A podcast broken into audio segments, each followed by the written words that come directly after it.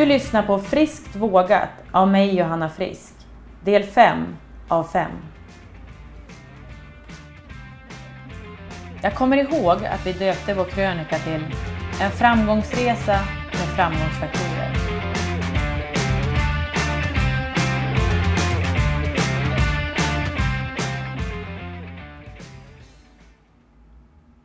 Jag hade aldrig hört talas om att Tyresö hade ett damlag när jag fick ett samtal från dem 2010.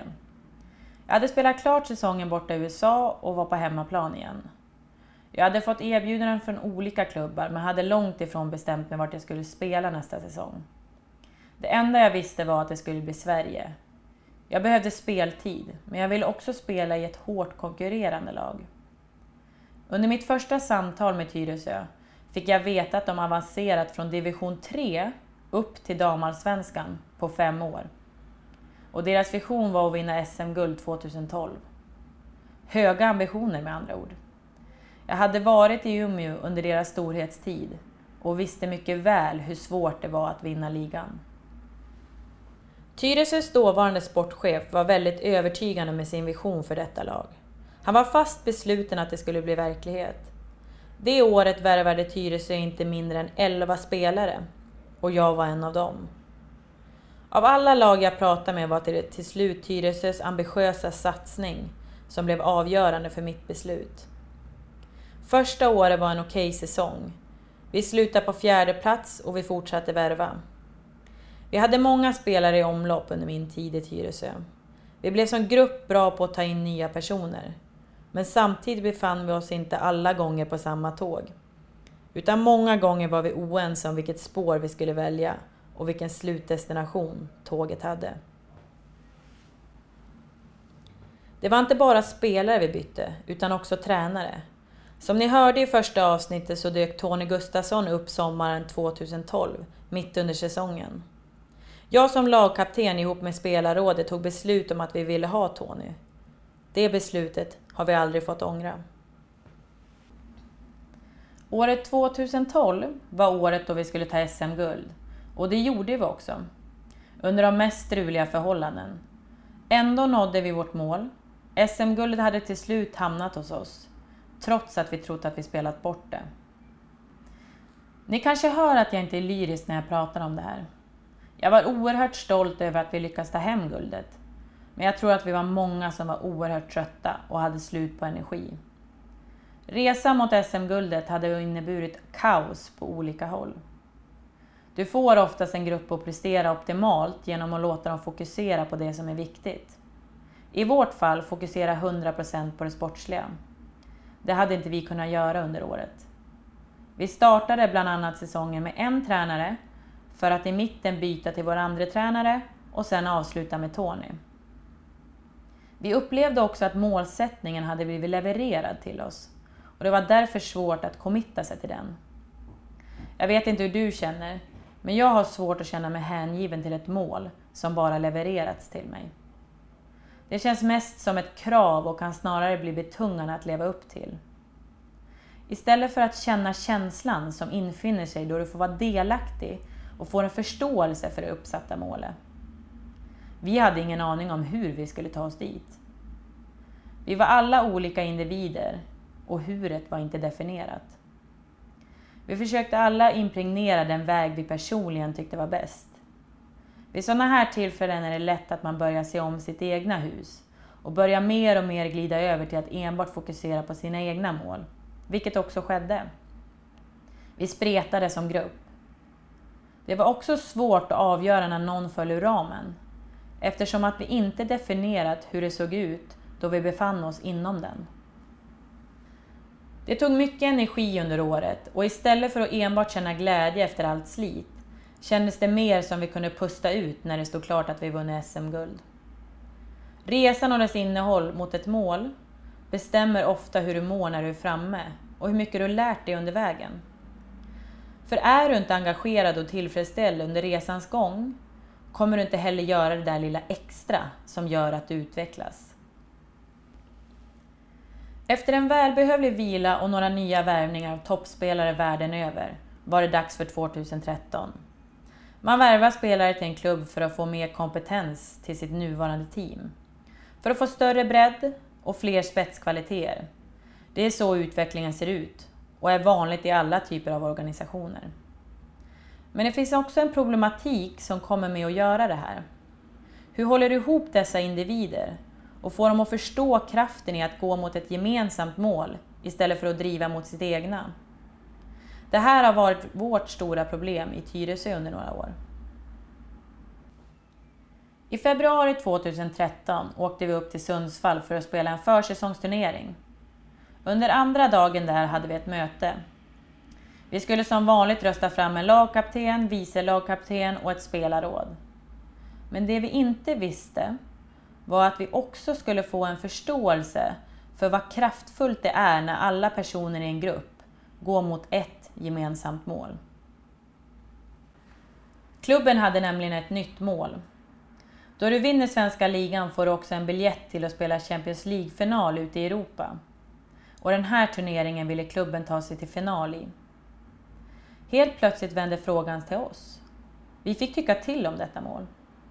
Vi spelare höll med, men vi ville också vinna SM-guld och Svenska cupen-guld. Målen var därmed satta, men inte som förut. Vi hade också fått vara med och tycka till. När vi trodde mötet var slut delade Tony upp oss i grupper utifrån vilken lagdel man tillhörde. Jag satt med mittbackar och målvakter. Sen sa han, ni ska skriva en krönika. Ni ska skriva den krönika som kommer att skrivas då vi som lag vinner trippen. Frågorna som journalisten kommer att ställa är följande. Hur känns det? Vilka är de viktigaste framgångsfaktorerna för att ni nått hit? Jag kommer ihåg att vi döpte vår krönika till En framgångsresa med framgångsfaktorer. Innan vi fick börja skriva vår krönika skulle vi ha tagit fram ledord som skulle skapa vår värderingsgrund. Sen skulle vi definiera dessa ledord och hur de kom att bli våra framgångsfaktorer.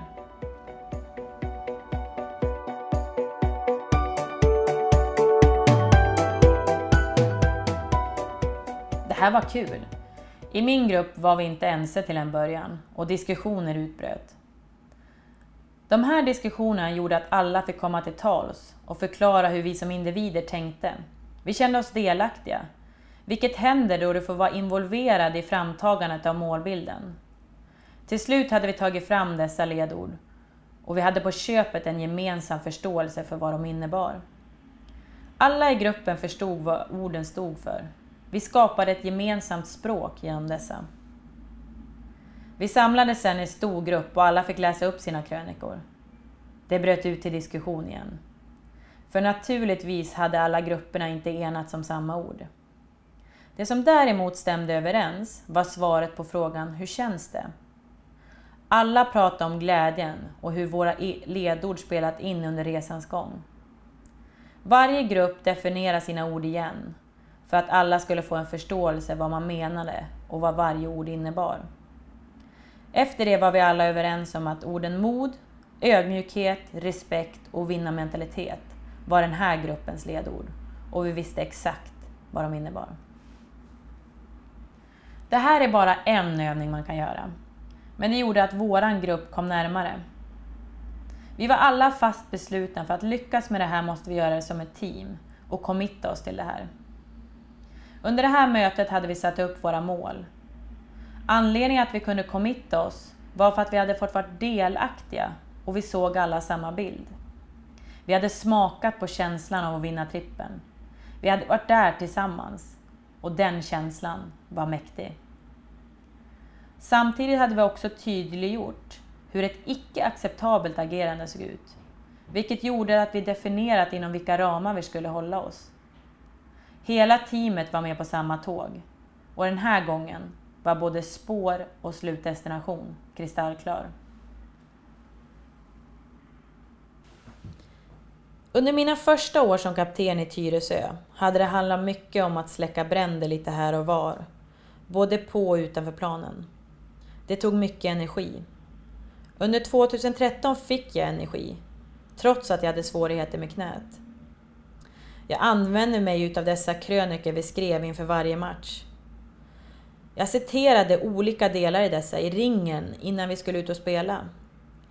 Jag citerade de ord som vi själva trodde skulle bli nyckeln till att nå hela vägen fram. Det var härligt och en ära att få vara kapten i det här gänget. Vilket år det blev! Vi kom tvåa i serien efter några skador på viktiga spelare i fel match. Vi tog oss vidare till kvartsfinal i Champions League och i Svenska Cupen. Jag slutade spela fotboll efter 2013 då dessa avgjordes. Men oj vad jag ser tillbaks på mitt sista år med glädje. Att tillhöra en grupp som gick i samlad trupp mot ett gemensamt mål. Vad skönt det var att ha energi kvar i kroppen när säsongen var slut. Och att ha fått utvecklas under vår resa då jag känt mig engagerad och tillfredsställd hela vägen fram. Vad skönt det var att lämna fotbollen på det sättet.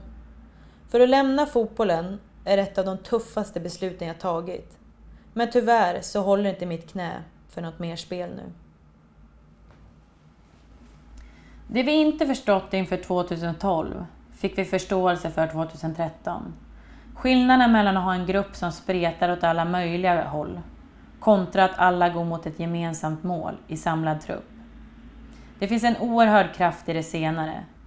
Genom att alla fick känna sig delaktiga under 2013 skapade det engagemang och tillfredsställelse som gjorde att vi utvecklades varje dag.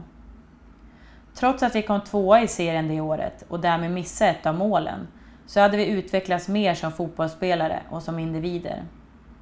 Som Tony sa i det första avsnittet så hade han ett mantra. Att bli en dag bättre och inte en dag äldre. Vi alla jobbar ut efter den övertygelsen.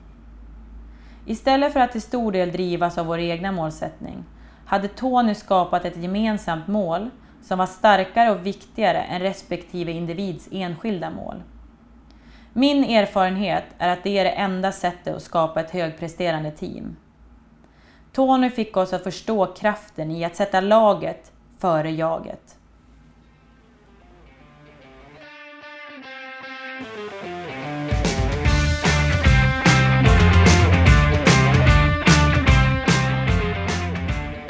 Tack för att ni har lyssnat på Friskt vågat av mig Johanna Frisk. Det är här jag har grunden i mitt ledarskap och det är här jag har utvecklat mina kunskaper under tio år. Jag har aldrig gått den raka vägen och många gånger har jag misslyckats. Men du kan alltid lära dig någonting nytt. De här erfarenheterna och värdefulla insikterna har jag nytta av varje dag. Och min förhoppning är att någon del inspirerat dig.